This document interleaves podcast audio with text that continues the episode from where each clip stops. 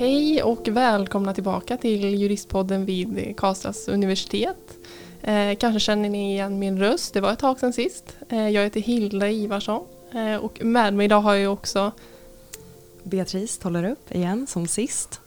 Ja, och eh, vi har tänkt spela in ett avsnitt ett tag senare. Det har, gått, eh, det har gått ett tag, det har hänt mycket men nu är vi tillbaks och det känns jättebra. Och med oss idag som gäst har vi Per Svensson, åklagare vid eh, åklagarkammaren i Karlstad. Välkommen! Tack så mycket, kul att vara här. Vad roligt, det är kul, kul att ha dig här. Ja, ja, vi har ju tänkt att prata lite om vad du gör och mm. ditt arbete och om dig och, och, eh, jag ska väl inte hålla i det här längre utan du ska få dra igång tänker vi. Eh, så du får hemskt gärna börja berätta lite om dig, vem du ja. är, var, vart gick du juristprogrammet och så vidare. Ja men det kan jag göra. Jag började läsa 96 i Göteborg. Gick jag på juristlinjen där och eh, blev färdig så småningom efter lite eh, uppehåll för utlandsstudier. Jag läste i Tyskland ett år och i Italien ett halvår. Um, och sen, ja, uppsatsen tog sin tid men sen blev jag klar till slut då. Uh, och så satt jag ting i, uh, här i Karlstad. Och nu ska vi se, när kom jag hit då? Det var 2004 tror jag som jag satt ting. Och sen jobbade jag ett år på byrå i, hemma i, i Norrköping.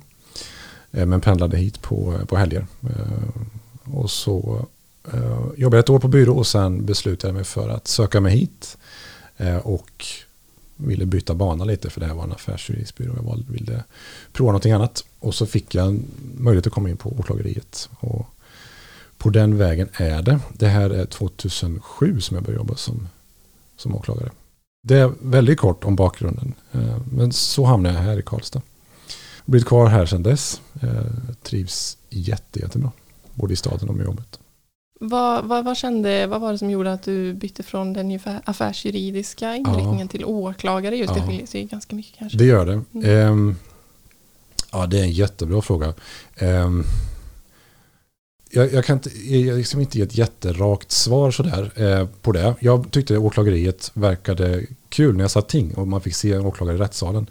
Det tyckte jag verkade roligt och intressant. Hur eh, åklagarens roll i rättssalen, liksom, att man får eh, vad ska man säga, man får vara navet lite i processen. Den som, eh, det är den som för talan och den som styr och ställer lite grann. Och man får ja, chansen att, att prata lite inför folk om man tycker det är intressant och kul. Eh, Eh, så det är en del av rollen som jag tyckte verkade intressant. Det, det lockade mig. Ehm, jag hade eh, några kompisar som jobbade som åklagare och det de beskrev för mig verkade eh, det verkade vara ett intressant jobb helt enkelt. Ehm, det intressanta som jag då föreställde mig var just man att jobba med affärsjuridik, vilket var det var jätteintressant och jättekul också. Men det är ju, för mig i alla fall var det ju, det är ju väldigt abstrakt i någon mån. Ehm, man sitter och jobbar med, kan jobba med ganska komplicerade juridiska dokument eh, och avtal och annat som det känns ibland som ingen läser förutom juristerna själva. Liksom inget all, ont i det alls. Men just jämfört med åklageriet så är det väl mer en dimension av kontakt med, med människor på ett annat sätt.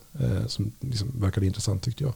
Mm. Kontakt med då, alltså då, eh, polisen och, och brottsoffer och tilltalade. Lite, lite mer, vad ska man säga, lite mer levande. Eh, så, det lockade mig. Mm. Ja. Så man kan säga att under tingsmeritering, när du, när du satt där, det var då som mm. du fick upp ögonen för ja. åklageriet? Ja. Egentligen inte när du pluggade då? Du hade Nej. inte en bildade då? Eller att Nej. du kände att det var då du...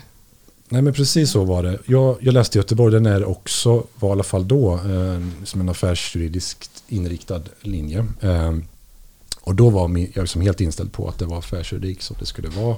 Och det var ja, hos mig och bland de andra studenterna kanske lite ansågs som var, just affärsjuridik ansågs vara lite mer eh, komplext och lite mer inom stort situationstecken men ändå lite finare så att säga än humanjuridik och sådär. Så det var det spåret man tyckte då var mer intressant. Okay. Eh, mm. Men det var liksom, det byggde bara på, på fördomar om att jag inte visste så mycket om åklageriet alls egentligen då. Eh, så att nej, precis, mitt intresse det väcktes under tingsmeriteringen när jag, när jag såg hur man jobbade som åklagare i, i, i rättssalen. Mm. Eh, så, så var det. Och jag jobbade då på, på affärsjuristbyrå, det, det var jätteintressant och jättekul får jag säga. Um, men som sagt, det blir en abstraktionsnivå ibland på det som kanske inte passade mig fullt ut. Ja. Det blev extremt teoretiskt. Ja. Hur var det med dina kursare som du pluggade med? Om ni var många som var inriktade på ja, affärsjuridik då? Som det var vi. Hur, ja. hur ser det ut idag? Har du kontakt Nej, men, med många idag? Och eh, vad, ja, liksom, hur ser spridningen ut? Det, kontakten är lite sporadisk, men ja. de flesta har, eh, har, det är väl lite olika, ska, nu tänker jag efter här, eh, de, ganska flesta är på affärsjuridiska banan. Så. Mm. Eh, jag, ska säga, jag och två, tre stycken till kanske från min kurs som har valt att prova eh, det här åklageriet.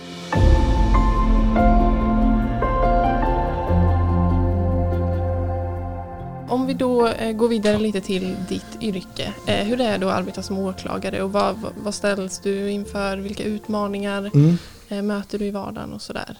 Berätta gärna. Ja, men det gör jag gärna. Lättaste sättet att, berätta det utifrån det är kanske att beskriva liksom vad, vad grundpelarna är i mina arbetsuppgifter som åklagare. Och då brukar man säga att det finns det är tre uppgifter. Det är att man, man leder förundersökningar. Man tar sen eh, beslut i, i åtalsfrågan om det ska väckas åtal eller läggas ner och om det ska väckas åtal vilken bevisning man ska eh, använda sig av. Och nummer tre är då att man, man går i rätten eh, med sina åtal. Och, så det är de här tre benen som, som jobbet vilar på. Och där har, då har vi väl en sak som jag tycker är en stor, som, som tilltalar mig jättemycket, just den här Ehm, variationen som blir utifrån de här tre sakerna. Att det blir inte enformigt på det sättet med att du bara sitter och nöter en sak. Utan du har de här tre sakerna du jobbar med. Du FU-leder dina, dina pågående förundersökningar. Du skriver dina åtal och du går i rätten. Så det är en variation i jobbet som, jag, som passar mig eh, jättebra. Det blir sällan, tycker jag själv, det blir sällan långtråkigt. Eh, utan du har en variation i det eh, som, som är kul. Och det blir också just en slags, ja, en dimension i att det blir kontakter med många olika eh, ja, personer. Du har kontakter med, med poliserna i dina pågående ärenden. Det är polisen som, som utreder då på, på mina direktiv som åklagare. Att jag ser åt polisen, i det här ärendet måste vi göra det här och det här. Och, och så har man en dialog med poliserna om det. Eh, och det där jobbet, det där samarbetet som är mellan mig och, och polisen, det är också något som jag liksom trivs väldigt bra med. Det är Särskilt när det är duktiga drivna utredare och får jobba med dem. Ehm, då blir det en, en, en energi i jobbet som jag trivs jättebra med. Ehm, så du får den dimensionen med kontakter i de här pågående ärendena så blir det ett visst, det blir ett visst driv och ett visst tempo i jobbet som är kul då. Ehm, och sen när det gäller åtalsskrivning och bevisning och sådana saker så, så kan det komma in en dimension av liksom ett juridiskt knäckande i den delen då.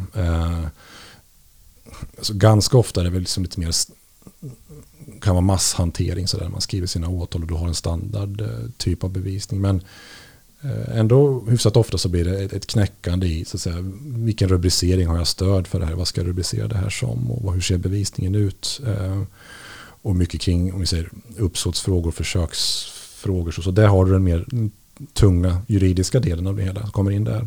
Så det, det är kul. Och sen den här biten med att vara i rätten, där får man den här dimensionen av liksom lite, vad ska man säga, ja, det är alltså inte teaterapa, men du får, du får klä en roll, en, en roll och agera i rättssalen inför andra som är rätt så rolig. Eh, så.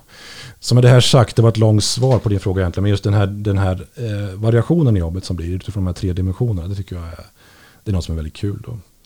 Finns det några svårigheter i eh, de här tre dimensionerna att eh, ja, men på något sätt hur man ska förhålla sig till vissa delar. Är det någon del som tar mycket mer tid än den andra och att det blir problematiskt ibland? Hur, hur förhåller du ja, dig då? Precis, det är konstanta utmaningen att liksom ha, ha balansen mellan de här bitarna hela tiden. Då, att just hinna med eh, ja, hur, hur, du ska fördela arbetstiden helt enkelt. Det har vi ju alla i, i, när ni pluggar och i, i, alla jobb. Hur ska man hinna med allting på ett balanserat sätt?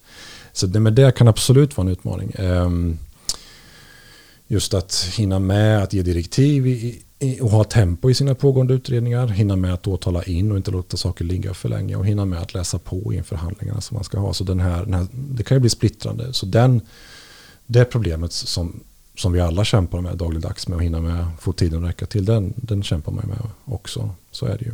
Ehm, och det kan ju vara utmaningar kan ju vara exempelvis när det blir skarpt så att säga, när det blir extra utmanande. Det kan ju vara när man har tidsfrister som löper, du har åtalsfrister, alltså du måste väcka åtal en viss tidsfrist, då måste det ju bli klart då. Eh, för annars så, om det är en person som sitter häktad så släpps ju personen ut i värsta fall om man inte blir klar. Och sen får du inte ha saker för liggandes för länge heller, så att du måste ha tempo där. Eh, ja, måste inom situationstecken, det är ingen som står med en piska på det sättet, men just eh, svar på din fråga, att det, det är utmaningen att få hitta balansen där. Och det kan vara svårt, särskilt i början. Och det kämpar man med hela livet antar jag, att hitta rätt balans. Så.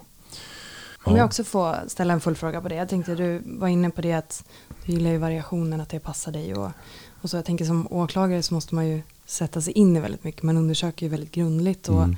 för att få fram bevis och så vidare för den man ska åtala. Jag tänker hur, vad finns det för svårigheter där? Man måste kunna mycket om, om mycket, om man uttrycker ja. sig så.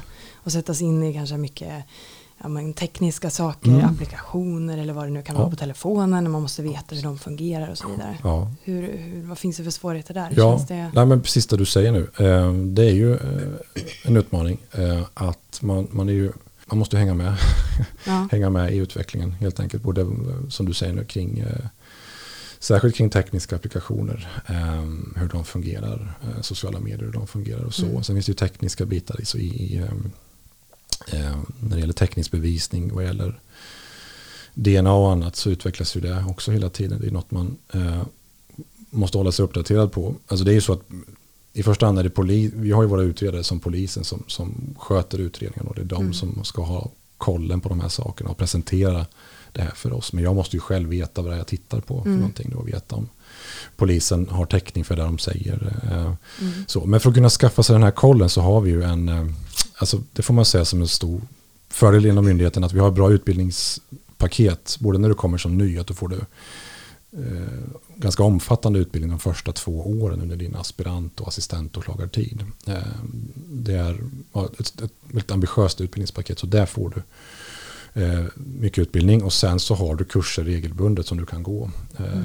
när du utbildar dig, när, när du jobbar. Så den vägen eh, har du bra möjligheter att skaffa dig liksom, bli uppdaterad på saker och ting. Eh, du har kollegor som du frågar förstås eh, hela tiden om saker och ting.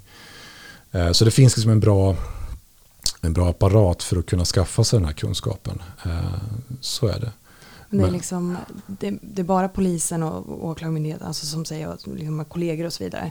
Det är bara det är aldrig någon utomstående expert på något område. Hur, för det kan ju vara känsligt tänker jag om det är något sekretessbelagt eller ja. hur, hur funkar det? Ja, men, um, Kanske är en konstig fråga. Nej, inte alls. Det, det, kan man ju, alltså om man nu skulle ta in någon, det, det här hålls, det är sällan vi tar in någon um, utomstående så, utan stav, vi har ju polisen och så har vi NFC uh, mm. som sköter de tekniska bitarna. Så skulle man vilja ta in någon extern konsult, det har ju säkert hänt kring vad ska vi säga, datatekniska bitar möjligtvis. Mm. Även om polisen har väldigt bra kompetens på IT-forensik och så här som det kallas. Så, Sekretessfrågan är inget problem för då har man ju sekretessavtal och så, mm, sådana saker. Ja, um, så det, det, är inga problem. Men kompetensen hos polisen och i myndigheten på, den är liksom bra. Det handlar bara om att hitta den och mm. veta vad man kan göra. Nej, men det kan man väl säga just de här åren jag har jobbat nu så märker man liksom kraven på oss som åklagare har ökat kring, ja på alla sätt egentligen kring både alltså bevisningen då, beviskraven vill jag påstå har liksom höjts. Alltså det krävs mer av oss nu i domstol. Mm. För att vi ska kunna få ett åtal, för att ett åtal ska vinna bifall. Och det i sig ställer högre krav på oss kring, eh, kring vår kunskap, kring vad vi kan om de här olika sakerna. Så den utvecklingen har gått åt det det, det, det är högre krav på, på kunskapsinhämtning hos oss som åklagare. Eh, det, det, är även, får man nog säga, högre krav på överhuvudtaget kring arbetsuppgiften. Att det är, vi förväntas göra mer än vad vi gjorde innan. Okay. Alltså, krävs, det, det förutsätts mer dokumentation kring olika beslut och annat. Så, så det, ja. Och när du säger sen innan, när du började? Ja, sen jag började, sen precis. Du började. Ja, precis. Just det, och, och man jämför med nu, sen 2007. Ja, det, är det. Det, lät, det var ju ingen jättebra PR för åklagare jag sa nu.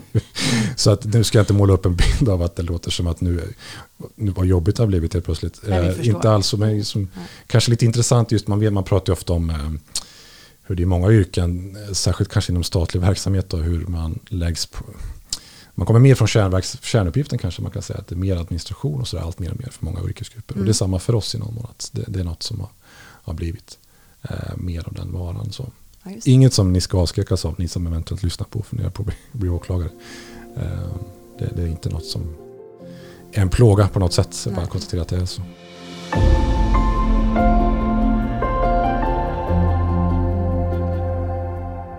Berätta gärna mer om eh, vad du tycker är roligt i yrket. Vad, Ja. eh, vad är det som du tycker liksom, men det här är det bästa med vår, eller bästa med vår åklagare, men en kul, någonting som är roligt. Så. Ja men det gör jag gärna. Det, alltså det, det är ju, jag vill ju säga det, det är ju ett, ett jätteroligt yrke. Och det är jätteintressant på, på alla sätt. Ehm, nu ska man inte bli liksom klyschig sådär. Alltså det är ju of, ganska ofta mycket att göra helt klart. Men, men jag trivs verkligen jättebra varje dag på jobbet. En bit som är, tycker jag, väldigt påtaglig om man jämför med kanske då, eh, ta min egen erfarenhet, jag jobbar på byrå. Eh, skillnaden som jag kände ganska tidigt när jag började som åklagare är att man blir väldigt snabbt eh, självständig. Eh, på, fast på, på rätt sätt då, att du, du får väldigt tidigt ett förtroende att fatta egna beslut. Eh, du, du förväntas göra det. Eh, och, och det får man göra ganska tidigt under, när man börjar. Man, man har en kort introduktion introduktionsperiod så att säga. Sen så får man ganska tidigt börja fatta egna beslut. Men det sker på rätt sätt. Det är inte så att du kastas ut själv och så nu, nu får du sköta dig själv. Utan det sker alltid inom liksom, handledning av en äldre kollega. Och då har alltid kollegorna att fråga eh, om hjälp hela tiden. Eh, men just den där självständigheten kände jag jämfört med kanske Eh, om du jobbar på byrå. På en byrå har du ju ofta då en, eh, en klient eh, som du ska leverera någonting till. Och, också då en, en, delägare som är ansvarig för ärendet. Så du har liksom de här två att leverera till hela tiden. Det är de som granskar ditt, ditt arbete och, och ehm, ja, sätter rödbockar så att säga på det du har gjort. Som åklagare har du liksom en egen beslutanderätt eh, väldigt tidigt. Det innebär ju inte att det är fritt fram att göra fel givetvis för att du ska, det ska ju hålla i domstolen. Så där kan det ju bli som, där får du eventuella rödbockar i att det blir ogillat åtal då. Men att just det jag försöker fara efter just den här självständigheten och det förtroendet du får ganska tidigt. Eh, Att kunna fatta egna beslut och, och leda egna förundersökningar. Eh, Det, det förtroendet man får tidigt, det, det tycker jag om väldigt mycket. Och att du är sen då som åklagare, du är ju självständig hela tiden. Eh, det är i det att det är du som bestämmer vad som ska göras i de här utredningarna. Det är du som tar de här besluten. Och alltid ändå i diskussion med polisen givetvis. Så du, det, det, du får bestämma i sista hand, men du, du har alltid som ett bra, diskussion, ja, ett bra stöd i polisen och diskuterar med dem och bra diskussionsstöd i dina kollegor. Och det där arbetssättet passar mig eh, väldigt bra. Eh, alltså en, en, en självständighet med stöd, hur man nu ska, eller hur man ska beskriva det. Ehm, så den, den självständigheten, den, det är något jag verkligen ja, trivs, trivs bra med. Sen har du liksom en, eh, du har ju möjlighet att liksom styra dina arbetstimmar ganska fritt ändå. Eh, Så länge du har koll på, på dina ärenden och vad du har i rätten och vilka ärenden du har som du ska förleda så, så kan du fördela arbetstiden ganska fritt ändå. Eh, Kanske lite mer fritt skulle jag vilja säga än vad du har på, på en byrå. Eh, Min erfarenhet i alla fall. Så, Mm. eh, så det, den här självständigheten, den, den trivs jag väldigt bra med. Ja. Jag tänker du sa ju det att man kan planera sin tid lite. Men som åklagare så har man väl också jour? Det har man, Som ja. det kallas också. Ja, Ehm, vissa tider liksom. Hur, mm. hur ställer man sig till det om man har? ja. Nej, men det, man har ju jour. Då. Man har ju såna här, det, kan, det är lite olika sorters jour. Man har dagjour. Eh, då är det ju, polisen måste alltid ringa en åklagare när de vill ha vissa typer av tvångsmedelsbeslut. Om man har gripit en person så måste Mm. man ringa en åklagare för att få beslut om personen ska anhållas eller släppas. Och om man vill ha husrannsakan eller vad det nu kan vara så måste man ha en åklagarkontakt. Och den sortens samtal när det sker på eh, Ja, när det är brådskande då ringer man till jouren då, antingen på dagen eller på kvällen eller, eller på natten. Mm. Så den typen av jobb har man och då måste man vara på plats på kontoret och, eh, under vissa tider och sådär. Ehm, så så det, så är man ju bunden och sen man, man är också bunden förstås när man är domstolsförhandlingar och sådär. Så den typen av fasta arbetstider finns det ju. Ehm, men det, det är liksom inte något som eh, är särskilt betungande att ha de där fasta tiderna. Nej. För sen tiden därutöver eh, tycker jag det kan man Planera mycket själv. Ja, precis. Ja. Vi har ju ändå förtroendearbetstid heter det väl formellt sett då. Vilket i praktiken innebär, tycker jag i alla fall, att du har liksom rätt att att, eh, i någon mån komma och gå ganska flexibelt så länge du gör det du ska. Ja. Eh, Och det är ju klar fördel. Får jag flika in med en Ja. fråga? Du pratar om förtroende och det är väl kanske förtroende i, att du får ehm, ja, men du, det är du som ansvarar för att fatta vissa beslut. Mm. Men, men kan det vara svårt ibland när man är statligt anställd att det blir någon form av extra ja, men det, det, det är liksom någon börda på dig att ja, men allmänheten anser att eh, eh, du, det här, du måste göra det. minst det här jobbet för att det ska vara godkänt ungefär. Ehm, Mm. känner du att det kan vara svårt ibland eh, att ha den pressen som ja. kanske finns då? Det kan man verkligen fundera mycket över. Ehm, just att som statligt anställd, för, alltså, hur ska vi beskriva det? Du, du har ju ett regelsystem du måste förhålla dig till när du jobbar och dina beslut du tar måste vara korrekta förstås. Då. Och det kan absolut upplevas som pressande. Eh, jag vet inte om pressande är rätt ord, men det, men det kan vara eh, ja, nej men eh, ett krav som du är inne på, just ett krav från, från medborgare att vi ska hålla oss till, till lagar och regler och framförallt kanske också att vi ska leverera eh, att vi ska leverera i rätt tid, vi ska leverera ja, rätt mängd ärenden, det ska inte ligga still och sådär. Eh, och, och, att vi ska klara upp brottsligheten och få, få, folk, få, få personer fällda som, som, som är misstänkta. Så det här med de krav du ska, det innefattar alla de här sakerna. Eh, hur förhåller man sig det, till det? Ja, det, det, är, det är en bra fråga. Hur gör jag? Eh, man, får, man får på något sätt eh, acceptera att det enda man kan göra är att försöka göra eh, så gott man kan. Man ska inte måla upp en bild av sig själv som någon slags superhjälte och tro att man ska ut och eh, rädda världen genom att klara upp allt eh, på nolltid och leverera supersnabbt och sådär. För då, då bränner man ut sig. Eh, vad gäller lagar och regler ska man förhålla sig till dem. Det är självklart. Eh, men jag skulle nog säga att um, en dimension i jobbet är att man, vi är inte domstol. Det är domstolen som dömer, domaren dömer. Och vi, när man väcker åtal och så, så ska man ha täckning för sitt åtal. Man ska ha en bevisning som är tillräcklig att det kan förväntas en fällande dom. som man säger. Men man ska inte knäcka ihjäl sig. Man ska inte känna att man har 110% täckning. Utan tycka att funkar det här, håller det tillräckligt, ja då är det acceptabelt. Och då ska man acceptera det samma sak med andra typer av beslut man tar. Alltså det ska vara good enough på något sätt. Och det där, det är lätt för mig att säga nu när jag sitter så här. Men det är liksom ett, ett förhållningssätt man, måste, man tvingas till att ha. Tror jag att du får kanske, du måste lära dig acceptera att eh, du kan inte hinna med att vända på, på alla stenar i alla utredningar hela tiden. Utan du måste göra en avvägning mellan vilken typ av ärende det handlar om, vilka resurser har vi att tillgå, alltså använda oss av. Hur många, ja. Så den avvägningen måste man lära sig att, att hantera. Den är, den är inte så lätt, eh, särskilt inte i början förstås. Mm. Och, men det, och det, försö, det, är viktigt att vi som har jobbat ett tag försöka, eh, försöka hjälpa eh, våra yngre kollegor med det. Att, att eh, absolut att du ska göra så gott du kan och det ska bli, bli rätt. Då, men man ska inte försöka, man ska inte överjobba, man ska inte knäcka ihjäl sig. Och det är lätt att säga så, men, men den eh, tycker jag är en ledstjärna man ska försöka ha. Då. Eh, för annars blir det krav och press som du säger och eh, det är lätt att man, eh, att man sliter ut sig eh, helt enkelt. Ja, det, men det är, en svår, det är en, helt klart en svår balansgång. Det är väl något man kämpar med hela tiden förstås. Som i alla yrken. Liksom så. Även när man, som ni när ni pluggar, ni känner väl också en press. Vet, ni pratade ju sist i er podd om betygssätt och sånt. Det är också en press som är svår att hantera. Och hur hanterar man press? Ja, det kan man nog prata jättelänge om. Mm. Um, good enough på, på något sätt försöka tänka. Mm.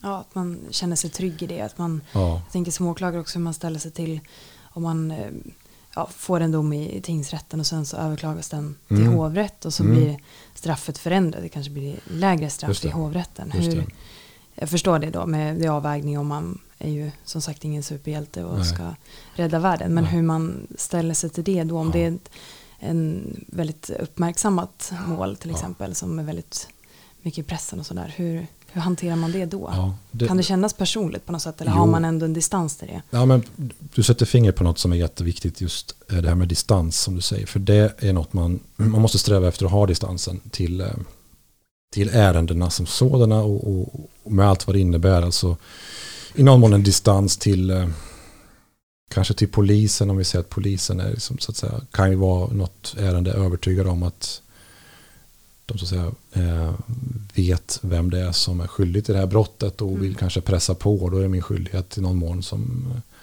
åklagare har distansen och backa lite och se hur ser bevisningen ut här. Ja, men vi kanske alla har en magkänsla av att vi vet att det är den här personen som har begått det här men vi kan, jag, jag kan inte bevisa det här. Mm.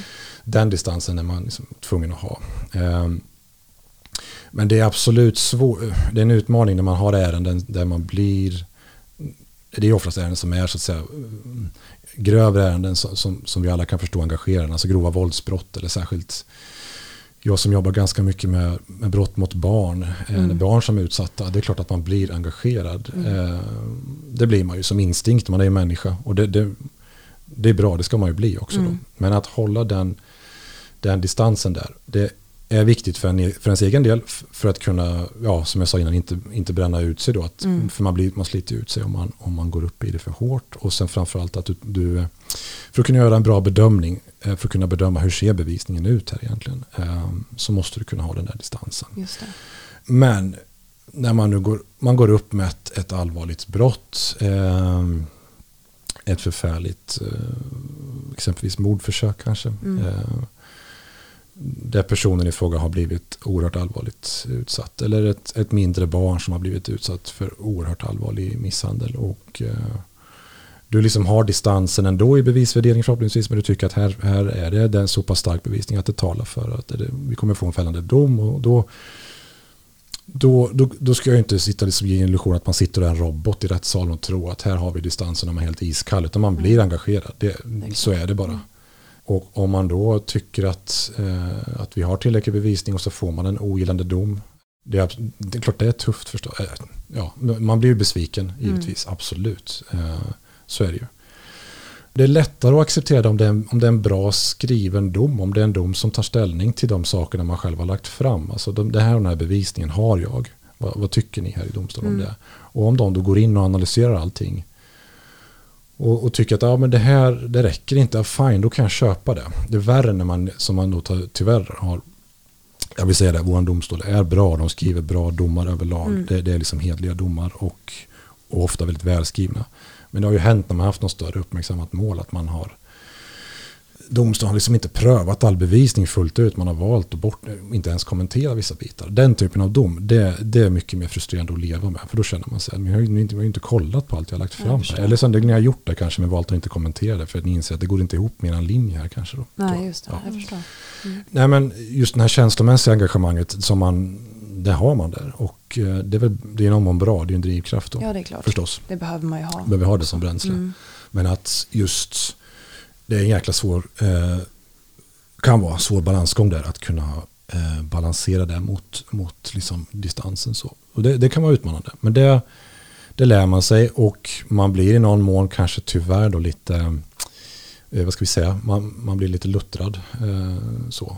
Om man sett många eh, utredningar med, med allvarligt våld exempelvis så, så blir man tyvärr lite luttrad. Att det, då tar det inte lika hårt på en själv. Mm efter några år. Ehm, så det blir en bra skyddsmekanism men det kanske är en liten, så att säga, inte att man blir cynisk men man, man blir lite luttrad mm. helt enkelt.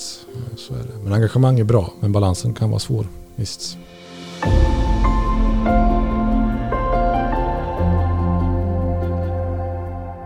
Per, har du något fall som du arbetar med just nu kanske eller som du tycker har varit lite extra intressant ur ja, åklagarhänseende, så ditt arbete?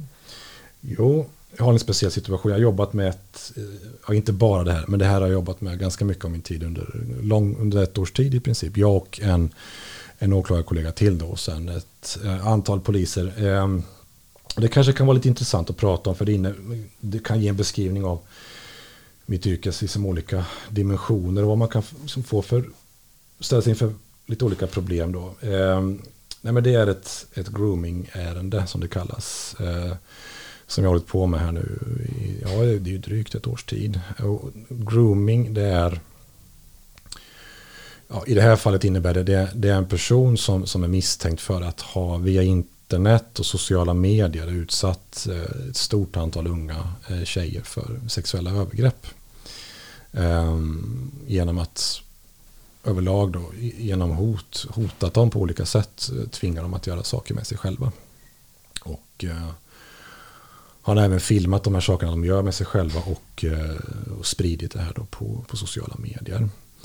Så det är ju ett, och det här det är unga, unga tjejer mellan lägsta 11 år och så upp till, eh, till 17.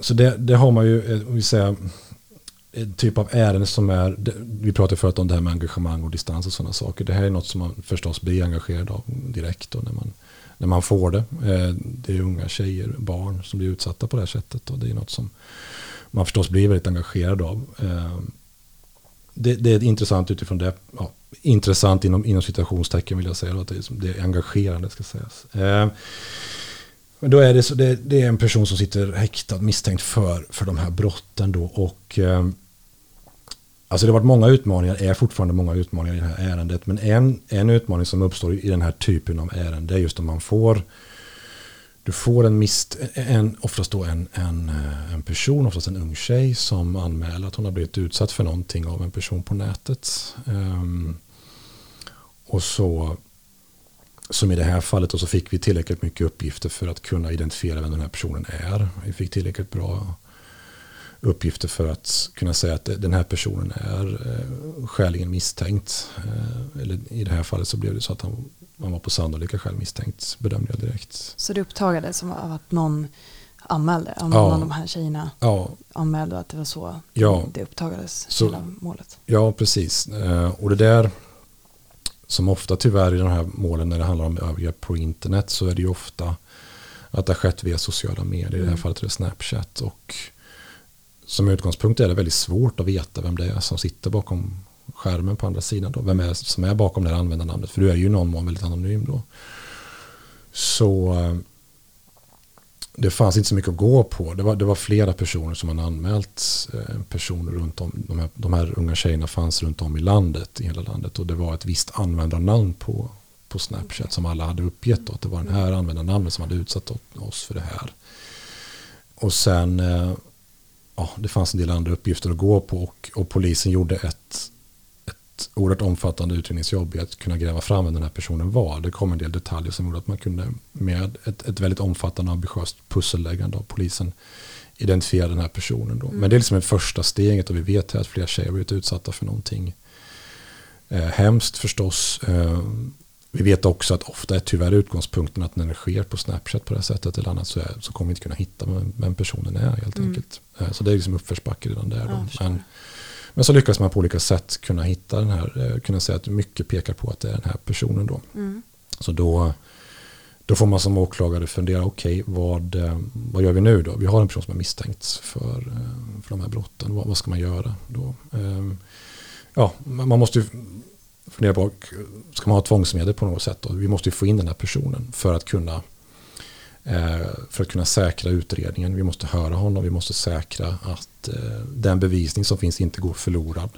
Eh, så, så, av de här skälen så vill man ju då tillgripa tvångsmedel, det vill säga att man vill anhålla personen. Man vill göra en husrannsakan i den personens bostad för att hitta, hitta den bevisning som man eventuellt eh, sitter på. Då. Och då får man först pröva, har jag tillräckligt starka misstankar? Sådana här saker, har jag tillräckligt starka anhållningsskäl? Alltså är utrednings, eh, risken för förstörande av utredningen tillräckligt stark och risken för fortsatt brottslighet exempelvis tillräckligt stark för att det ska vara anhållande och sådana saker. Då. I det här fallet var det var liksom uppenbart, det var oerhört allvarliga, det var allvarliga brott, det var en stor risk för att han skulle försvåra utredningen och att han skulle också fortsätta begå brott eftersom det var många flickor som har blivit utsatta. I det här fallet var det tiotal vi hade. Eh, och risken för att han skulle fortsätta var stor. Så det, fanns liksom, det fanns grund för att anhålla. Mm. Och också grund för att göra en husrannsakan. Och, eh, och plocka in saker som kunde ha betydelse för utredningen. Då, datorer och telefoner och sådär. Eh, så, så det gjorde vi. Och den utmaning som man ställs inför då i den här typen av ärenden är just vad, vad hittar vi då när man tittar den här personens den här, den en person som har begått den här typen av brott, vad kan man förvänta sig hitta i den personens dator? Mm. Eh, nu är det så att man ska ju leta efter saker som har att göra med utredning gällande de här flickorna som vi hade då, dryga tiotal. Men man kommer förstås hitta andra saker i den här personens dator förstås då. Eh, säkerligen eh, barnporr och annat. Eh, men det som polisen kunde konstatera då efter att ha först bara ganska ytligt tittat på, på på datorer och annat, det var just att det var ju eh, stort antal ytterligare eh, flickor som har blivit utsatta av mm. honom runt om i hela landet. Då. Eh, och då blev det som en utmaning, okej, okay, hur ska vi identifiera de här personerna? Mm. Det kanske är hundratal ja, som vi kan veta har blivit utsatta, men vi vet inte vilka de är.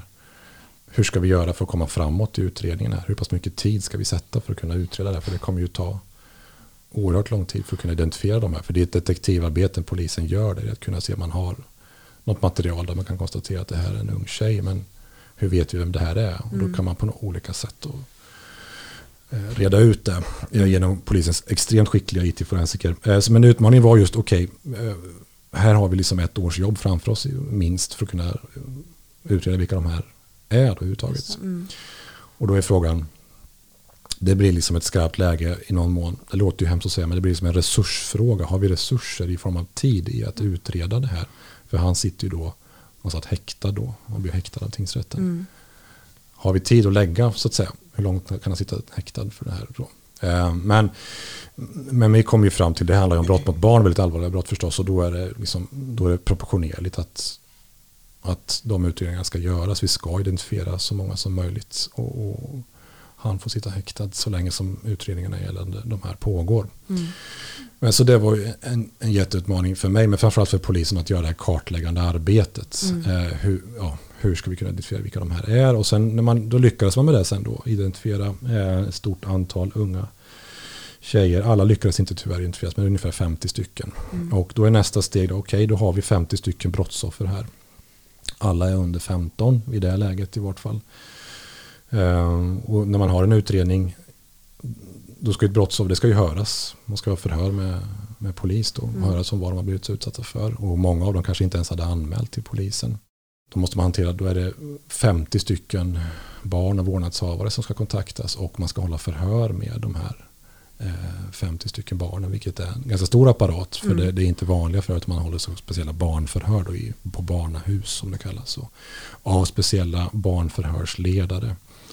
Vilket också är en stor utmaning på olika sätt. Dels att den första kontakten med vårdnadshavarna som polisen ska ta där de blir upplysta om att deras barn har blivit utsatt för någonting på nätet misstänker vi. Mm. Och de kanske inte känner till det överhuvudtaget. Och den första reaktionen hos mamman och pappan som polisen måste hantera då. Och för föräldrarna förstås hur de ska tackla detta och att man sen då eh, vill övertyga barnet om att komma och prata med polisen om mm. det. Så det, det var den jätteutmaning för, ja, för polisen och för föräldrarna. Och sådär då, förstås. Och att ha de här förhören eh, ja, tar ju lång tid och, och, och eh, att låta barnen kunna bli trygga och vilja prata om det hela vad de har blivit utsatta mm. för är också en jätteutmaning där vi har liksom skickliga förhörsledare som, som lyckas eh, bra med det.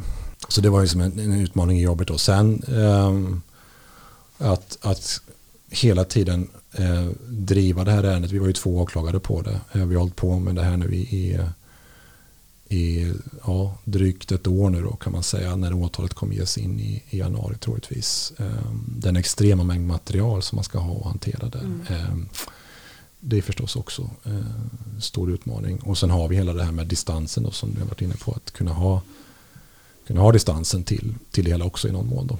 Mm. Eh, att acceptera att här vet vi att ett ungt barn har blivit utsatt för någonting då, eh, något hemskt. Men att acceptera så att säga att vi inte kanske kan veta vem hon är.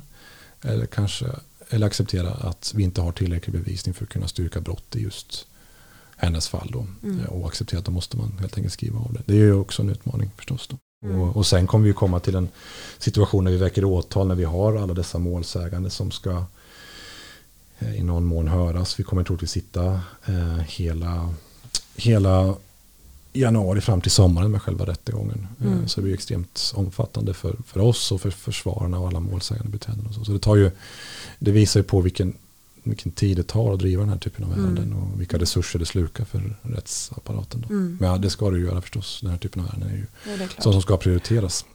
Och det har ju varit det här med, ni pratar om kun, med kunskap, just ha koll på på utvecklingen på olika eh, sociala medier och mm. hur de funkar och så. Um, ja, det har man varit tvungen att uppdatera sig på. Mm. Helt klart. För det, det, jag kunde en del om, ganska bra tycker jag, men, men det fanns saker vad gäller Snap framförallt som jag, som jag fått uppdatera mig på. Mm. Um, så så det, ja, det har varit utmanande också.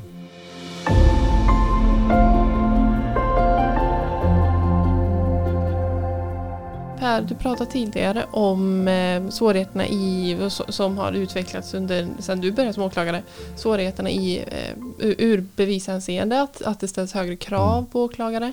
Eh, hur ser det ut inför framtiden tror du? Vad, vad, vad ställs ni inför för utmaningar då eh, och hur kan man lösa dem? Mm. Skulle du säga?